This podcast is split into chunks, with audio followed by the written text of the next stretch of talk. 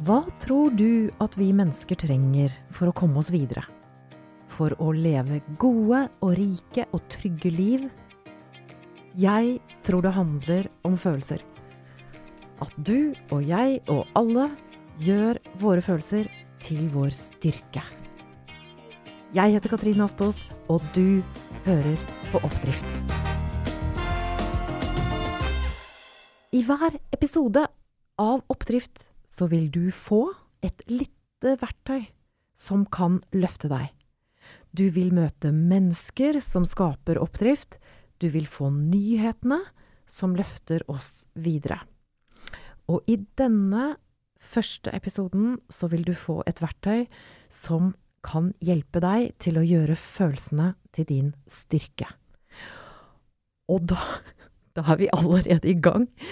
Eh, du kommer til å bli godt kjent med neddriften, altså det motsatte av oppdrift. Og det er her alt starter. Jeg vet jo ikke hvordan det er for deg, men jeg syns å ha lagt merke til at eh, tyngdekraften i livet, neddriften, den klarer seg sjøl. Eh, livet er i grunnen raust på, på skuffelser og følelser av å kanskje ikke være bra nok, eller uh, å Følelsen av å sammenligne meg med andre. Og det er jo sånn i livene våre Kanskje kommer vi ikke inn på den skolen vi ønsker. Vi fikk ikke den jobben. Eh, kanskje mister vi jobben. Og ganske sikkert så blir vi sjuke underveis. Dette her, det er normalt og uunngåelig i et liv. Og da blir spørsmålet, hva kan vi gjøre for å flyte litt lettere i livet? Hvordan kan vi, så å si, blåse opp vår indre badeand? Jeg elsker det bildet av den indre badeanden, for den, den, hjelper oss, eh, den hjelper oss opp den holder oss flytende, og vi kan ha det gøy mens vi padler av gårde med badeanden. Og hvordan vi blåser opp den uh, anda, det veit vi heldigvis mye om nå. Takket være forskere på Yale-universitetet, på Harvard og på Berkeley, på NTNU i Trondheim og på Blindern her i Oslo. Og jeg er Jeg sitter her nå og ser deg for meg jeg er nysgjerrig på deg, hva som er din reise hit. Eh, hvordan du ble nysgjerrig på hva som skaper oppdrift. Og kanskje sitter du i bilen og hører på, kanskje er du ute og går. Eh, kanskje sitter du i sofaen med et pledd. Men uansett hvor du sitter, tenk litt etter akkurat det. Bare sånn Altså, bare tenk lett og godt. Bare sånne Som om tankene er en sånn eh, En sånn ballong som du så, så vidt kommer borti med fingeren, vet du, så, så spretter den ballongen opp igjen. Altså, vær nysgjerrig og undrende. Hvordan havna du her? Hos meg. Og så jeg, vil jeg fortelle litt underveis, da, hvordan jeg, eh, en eh, en eh, finansjournalist, økonom fra Handelshøyskolen i Bergen, hvordan jeg ble hekta på følelser og oppdrift, og hvordan det har seg at jeg reiser verden rundt og holder foredrag om følelser og skriver bøker om nettopp det. Og det er her det starter igjen, fordi at som økonom og finansjournalist så hadde jeg ikke peiling på følelser. Jeg trodde jeg kunne skjule dem bak Bak utdannelse, fine jobber. Jeg eh, trodde jeg kunne spise dem opp, eller i hvert fall det jeg valgte. Eh, drikke dem bort, feste dem bort, jobbe dem bort. Eh, og i tillegg så kunne jeg da drive og piske meg til resultater og prestasjoner. Og jeg etter hvert så ble det veldig tydelig at jeg skjulte så mye av den jeg egentlig var, bak en rustning av kunnskap og mastergrader. Altså bak en sånn Åh, og det var, det var mer i den rustningen. Det var ironi, sarkasme eh, Og jeg kjenner nå, mens jeg snakker om den rustningen, så kjenner jeg faktisk at eh, jeg blir helt stiv i ryggen. Så øh, Og jeg, jeg ble skikkelig sliten også til slutt, og jeg ble sjuk. Det å leve inni en sånn Altså være så stiv eh, i, eh, inni den rustningen Jeg ble til slutt skikkelig dypt deprimert. Og hadde det ordentlig, ordentlig dårlig lenge. Og heldigvis, vil jeg si altså, heldigvis så blei jeg også sinna. Og sinne! Å, det er en fantastisk viktig følelse for uh, å skape oppdrift. Uh, og det kommer jeg tilbake til i en senere episode, det lover jeg. Men jeg blei så sinna. Uh, for jeg tenkte sånn som Hvorfor har jeg ikke lært noe om følelser? Hva er grunnen til at jeg er så slem med meg sjøl? Og er jeg helt aleine om dette her?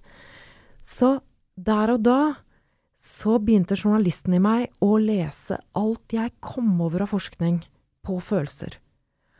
Og på eh, relasjoner. Jeg begynte å lese hjerneforskning.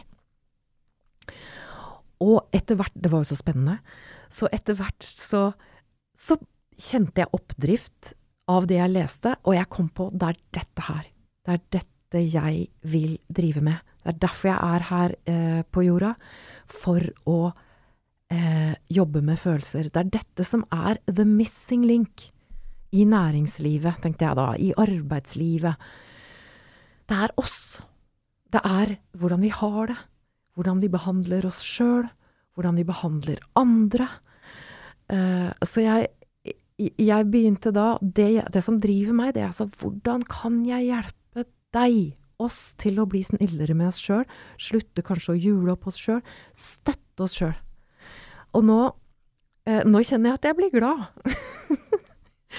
Når jeg snakker om eh, akkurat det veien ut av den rustningen. Nå er det 15 år siden jeg startet på den reisen med å utforske følelsene. Og eh, jeg har skapt meg en drømmejobb.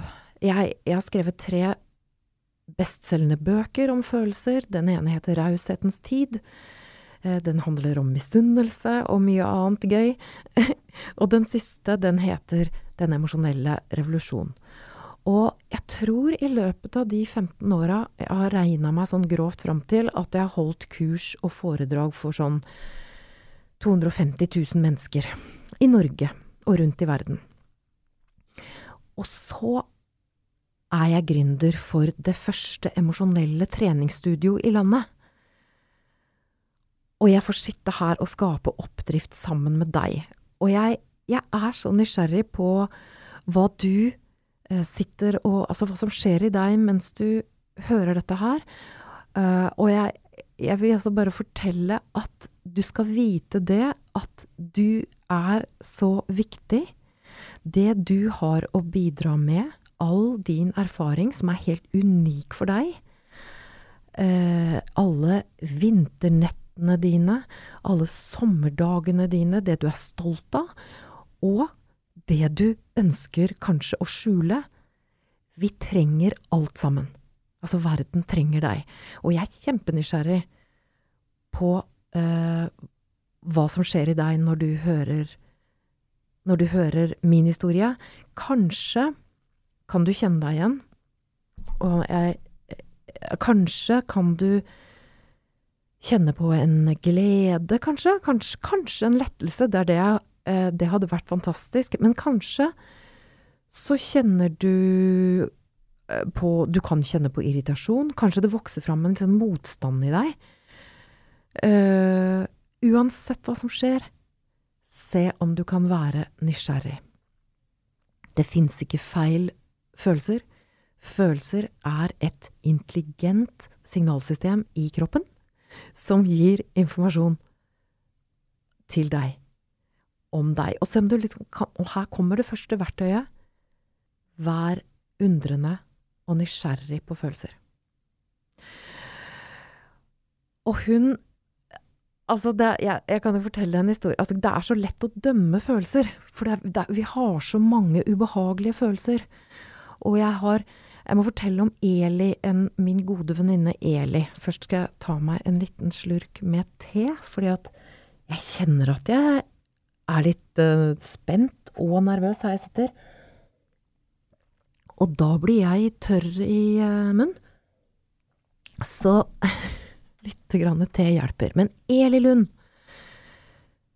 god venninne fra Handelshøyskolen, som sa til meg det når jeg begynte på den der veien her med følelser og greier, så sa det at du, Katrine, altså, jeg hater følelser. og hun er jo modig, da, som kommer til meg og forteller det. Eh, når jeg sitter der og syns det er kjempespennende med følelser. Og så var det også morsomt, for jeg sa jo Jeg skjønte at her er det et eller annet jeg trenger å liksom finne ut litt mer av. Så jeg spurte Eli da Ja, men du vet det at hat er en følelse? Altså en veldig sterk følelse? Ja, svarer Eli. Det er derfor jeg hater dem. så det var jo ikke plass til følelser i uh, budsjetter og regnskap, men det er masse følelser der. Og se om du kan være nysgjerrig på følelser, det er første Det emosjonelle verktøyet, første emosjonelle verktøyet. Og det kommer fra den som har lært meg aller mest om følelser, som er professor ved Universitetet i Austin i Texas. En skikkelig Et skikkelig råskinn. Nydelig dame. Hun heter Brené Brown, og hun kommer med en bok i høst som heter Hjertets atlas, altså Atlas of the Heart. Og hennes forskning Hun har forsket på følelser som skam og som perfeksjonisme, om sårbarhet. Alt dette skal vi komme tilbake til uh, i de senere episodene. Men hun, hennes forskning viser det at følelsene har en slags matematikk. Og den er sånn som dette her. Hvis du flykter fra følelsene dine, da er det de som eier deg. Hvis du kan akseptere følelsene dine, da er det du som eier dem. Og det, det, det kan høres så enkelt ut, og her kommer eh, det, det, altså det høres veldig, veldig enkelt ut, men det er enkelt å forstå, og så er det det å praktisere det. Og her kommer praksisen. Hver gang du kjenner at du blir trigga av en eller annen følelse Det kan være La oss starte med irritasjon, da. Jeg pleier å kalle irritasjon for bæ... Nei, eh, eh, en fornybar ressurs. Altså, den kommer eh, alltid tilbake igjen. Og du trenger ikke å gå lenger enn til eh, trafikken. Når vi er der ute og prøver å finne eh, samarbeidet om å kjøre bil, der er det flust med irritasjonsmuligheter. Og se neste gang du blir irritert i bilen for at noen eh, gjør et eller annet farlig eller dumt, eller blinker, la være å blinke, eller blinker for mye, og du blir irritert, så kjenn om du liksom kan Nei! Der ble jeg irritert igjen! Så interessant! Altså, hver det er første lille skrittet for å ta eierskap til alt som skjer med deg. Og eh, det, det, dette med undring, nysgjerrighet på følelsene, det skaper oppdrift. Det å, ei, det å ta eierskap til følelsene. Og det har en lyd. Sånn at lyden av undring, den er sånn Nei! Og den går det an å gjøre med alle følelser. Nei! Nå Altså ensomhet, for eksempel. Vi kommer til å komme tilbake til alt dette her i senere episoder. Men følelsen av å være aleine, den er fellesmenneskelig. Uh, og når den kommer, altså for meg, så Jeg bor aleine, uh, sammen med to hunder. Den kommer gjerne om kvelden. Uh, altså, den kan komme om morgenen også. Veldig ofte om morgenen. Men det å faktisk møte den med mm, ah, det er den følelsen igjen, ja. Ah. Nå kjenner jeg meg aleine. Aleine, aleine. Altså, la den få lande. Det er en sånn energi som kan gå gjennom kroppen og endre seg. Så første skritt er legg merke til hva som skjer med deg. Og nå går vi til den første nyheten som skaper oppdrift. For det er ikke nødvendigvis sånn at det å være optimistisk på vegne av verden, det er ikke naivt. Det er realistisk å være øh, håpefull. Og jeg kan fortelle hvorfor det er realistisk. Så lenge bra folk over hele verden går på jobben hver dag og gjør så godt de kan, så går verden litt framover hver eneste dag. Og det er liksom viktig å tenke på når vi møter, uh, når vi møter uh, neddriften.